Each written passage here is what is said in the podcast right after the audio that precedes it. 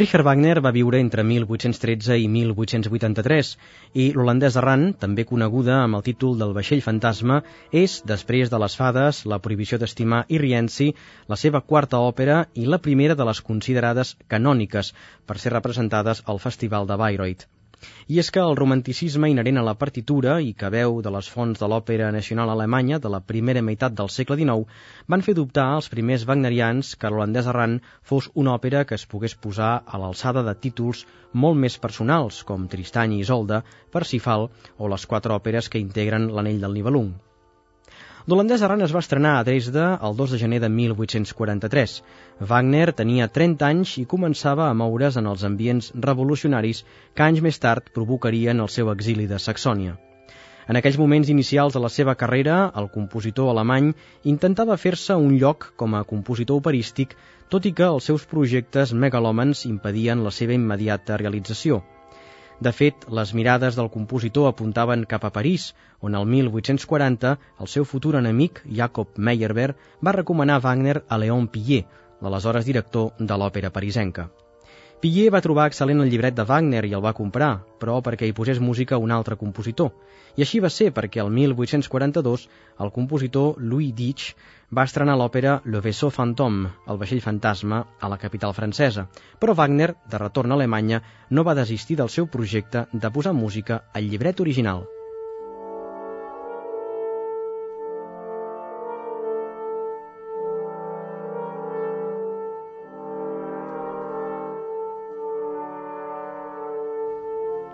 El llibret del mateix Wagner es basa en una llegenda nòrdica que Wagner va llegir a les memòries del senyor von Schnabelewowski de Heinrich Heine, on es parla de la llegenda de l'holandès, un vaixell maleït que mai pot arribar a port i que vaga pels mars des de temps immemorials.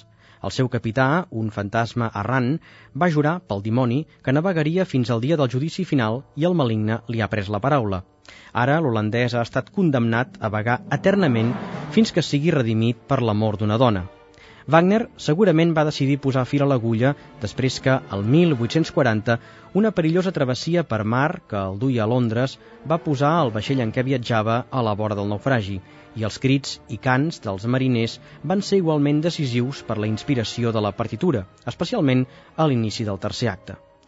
L'holandès Arran ja apunta alguns dels trets del Wagner del futur, per exemple, la utilització de motius musicals que serveixen per descriure situacions o personatges. La mateixa obertura que sentim de fons, de tall programàtic, presenta, d'entrada, els temes corresponents a Senta,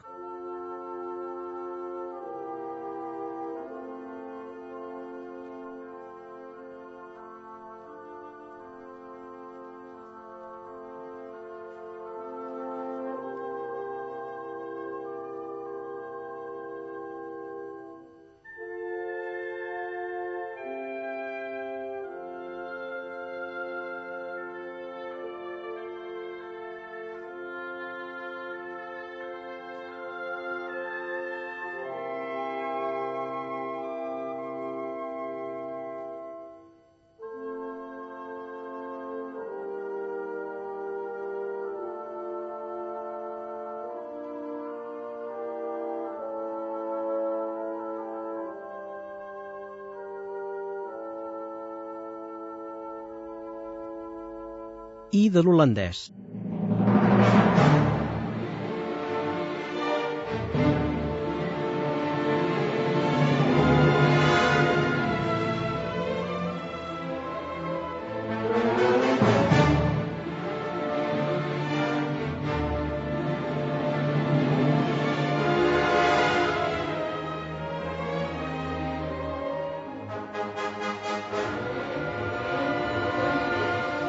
Temes que més tard sentirem en dos números vocals d'aquests dos personatges, en concret la balada de Senta,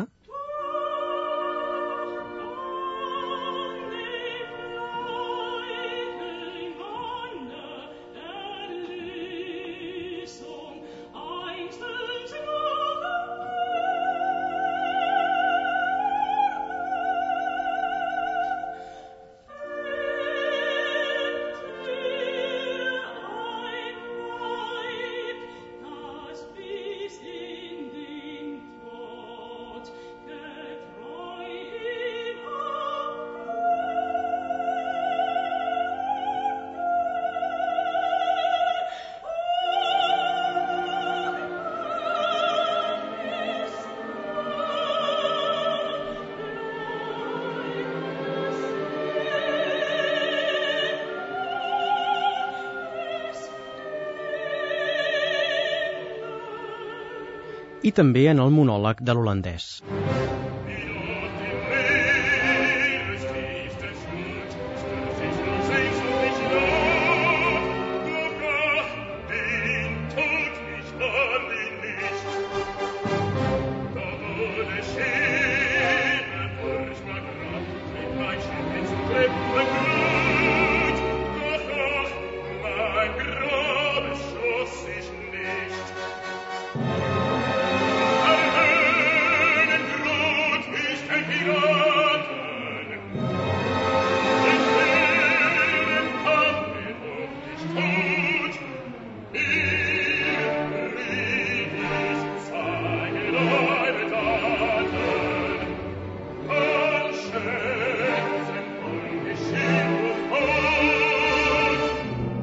Però l'obertura també deixa entreveure l'ambient festiu dels mariners, amb un tractament de caire popular, herència directa de l'òpera nacional alemanya exportada directament de Weber.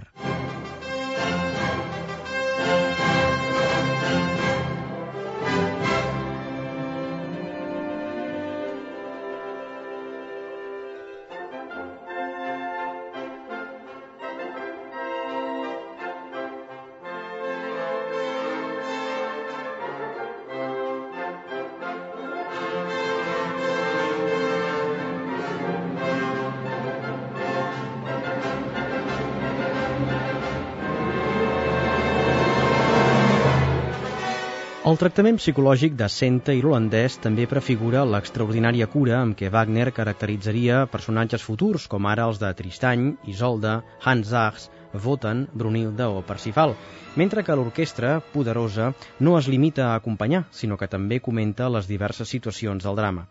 La balada de Senta, per exemple, explica la història de l'holandès i ho fa amb les seves companyes, assegudes davant de la filosa. Sente és una dona redemptora, capaç de sacrificar-se per la persona que estima.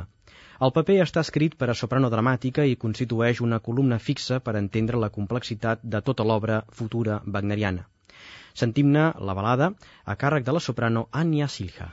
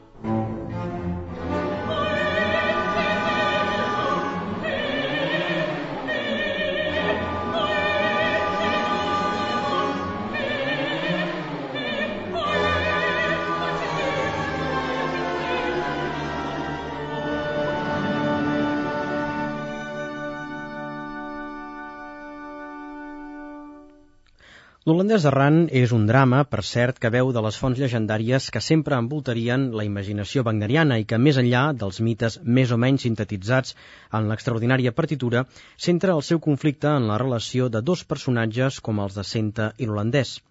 Aquest últim, fantasma errant, condemnat a vagar sense rumb fins a aconseguir trobar una dona capaç de sacrificar-s'hi, és un paper escrit per a baix baríton i que té una de les millors pàgines escrites per a aquesta tessitura, molt lluïda en el monòleg Die Frist ist um, en què el personatge explica les seves penes.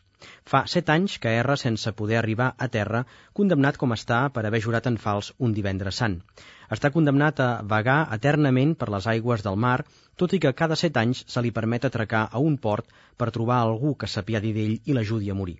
Ens ho canta Simon Estes.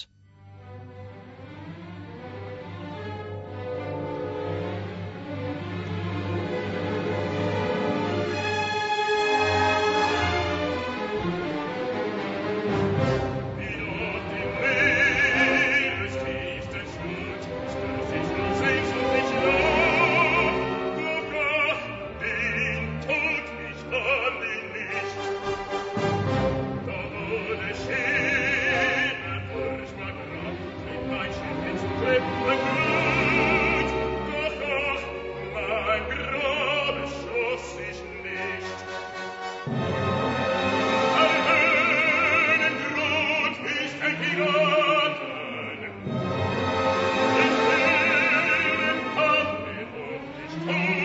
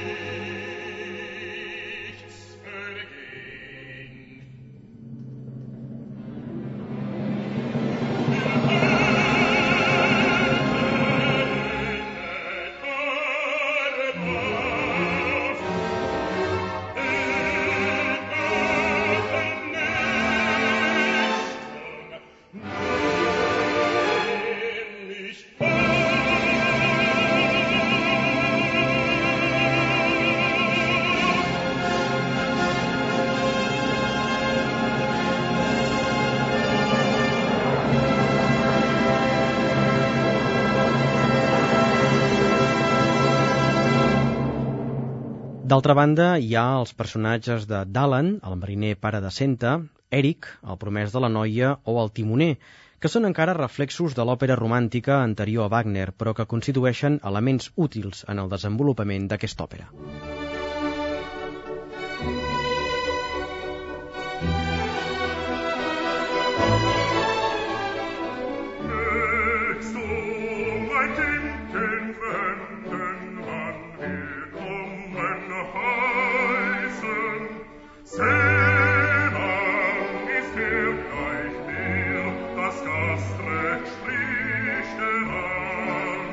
La partitura de l'holandès Arran, llarga però sense les proporcions descomunals del futur Wagner, està concebuda en tres actes, tot i que Wagner va optar per un continu ininterromput.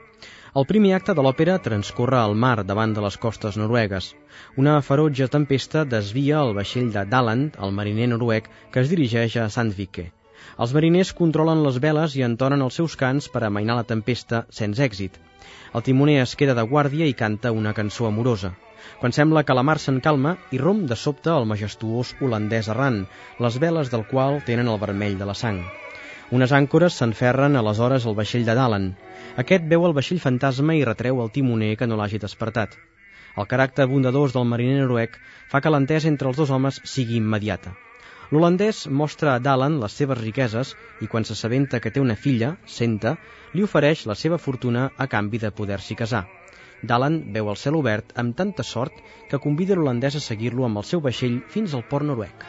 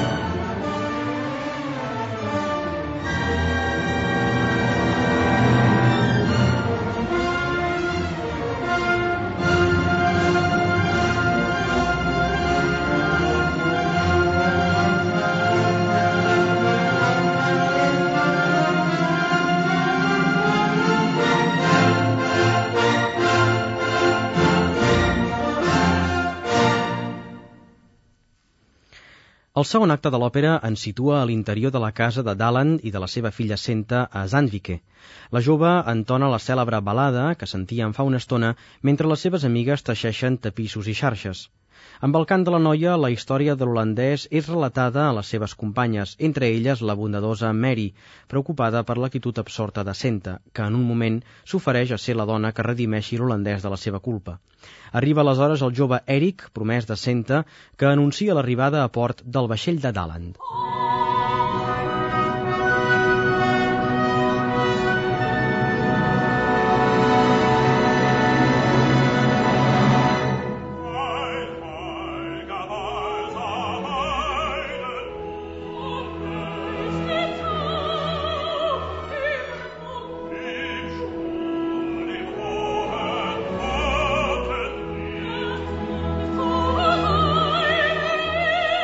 Quan es queden sols, Eric i Senta conversen davant d'un retrat que penja a l'habitació. És el de l'holandès, ni més ni menys, i Eric sospita que Senta se n'ha enamorat. Després, Dalan arriba a la casa amb l'holandès. Senta s'ha quedat fascinada davant del nouvingut, a qui Dalan demana que se li retin tots els honors com a hoste. A més, el mariner anuncia a Senta que, si hi està d'acord, serà el seu marit. L'holandès, que s'ha quedat sol amb Senta, li confessa que finalment trobarà la seva salvació gràcies a la jove. La parella jura amor i fidelitat fins a la mort en un duet que posa fi a l'acte.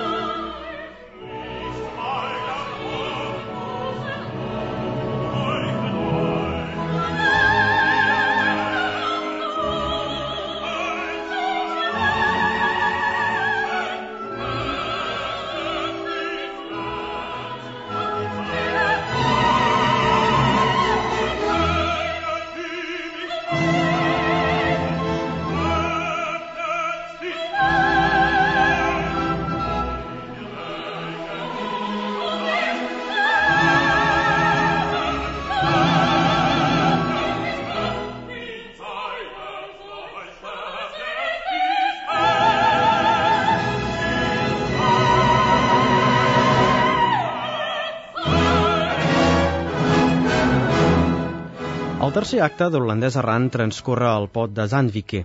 El vaixell de Dalan està de festa i els mariners brinden a la salut de les noces imminents entre Senta i l'holandès.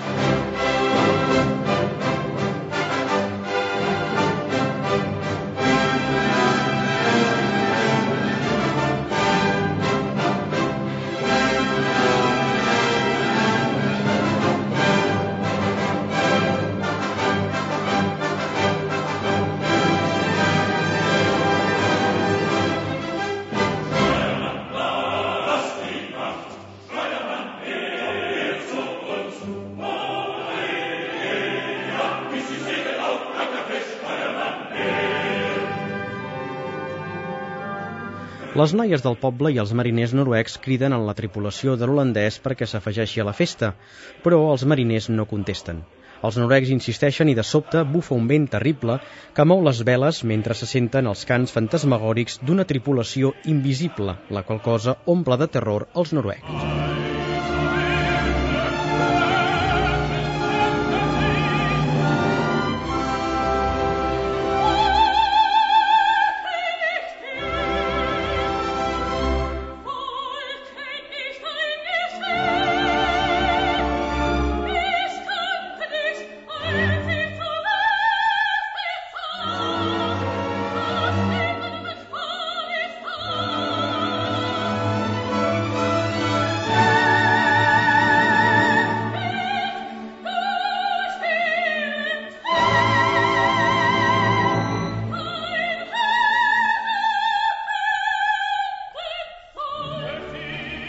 Eric, per la seva banda, intenta retenir Senta recordant-li els feliços temps del passat. L'holandès, que s'ho ha mirat de lluny, creu veure en Senta una dona infidel i es disposa a marxar de nou amb el seu vaixell. De sobte, la jove exclama de nou el seu amor per l'holandès i, per demostrar-ho, es llença al mar. Tot seguit, l'holandès errant s'enfonsa estrepitosament davant l'horror dels noruecs.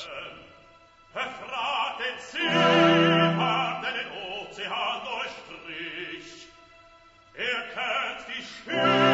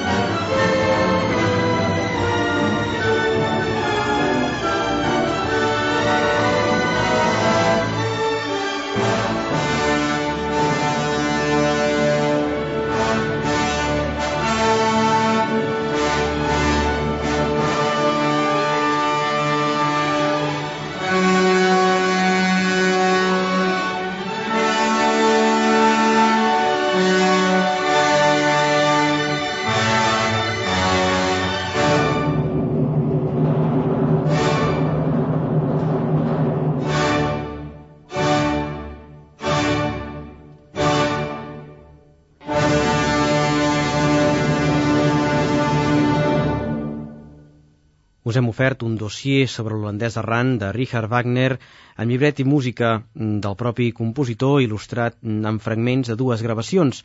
La primera dirigida el 1968 per Otto Klempera i amb la participació d'Ania Silja, Theo Adam i Matti Talvela. La segona, de 1985 i enregistrada al Festival de Bayreuth amb direcció de Voldemar Nelson amb les veus de Simon Estes, Lisbeth Belsley i Matti Salminen. Recordeu que a partir de dimecres que ve al llarg de 10 funcions, fins al dia 25, podreu veure i sentir aquesta òpera al Gran Teatre del Liceu, on es va estrenar, per cert, el 1885 amb traducció italiana amb el títol d'Il Vascello Fantasma. Eren altres temps, però l'holandès, independentment de la dimensió cronològica, segueix navegant, malgrat no trobar mai port on reposar. No podria ser d'altra manera.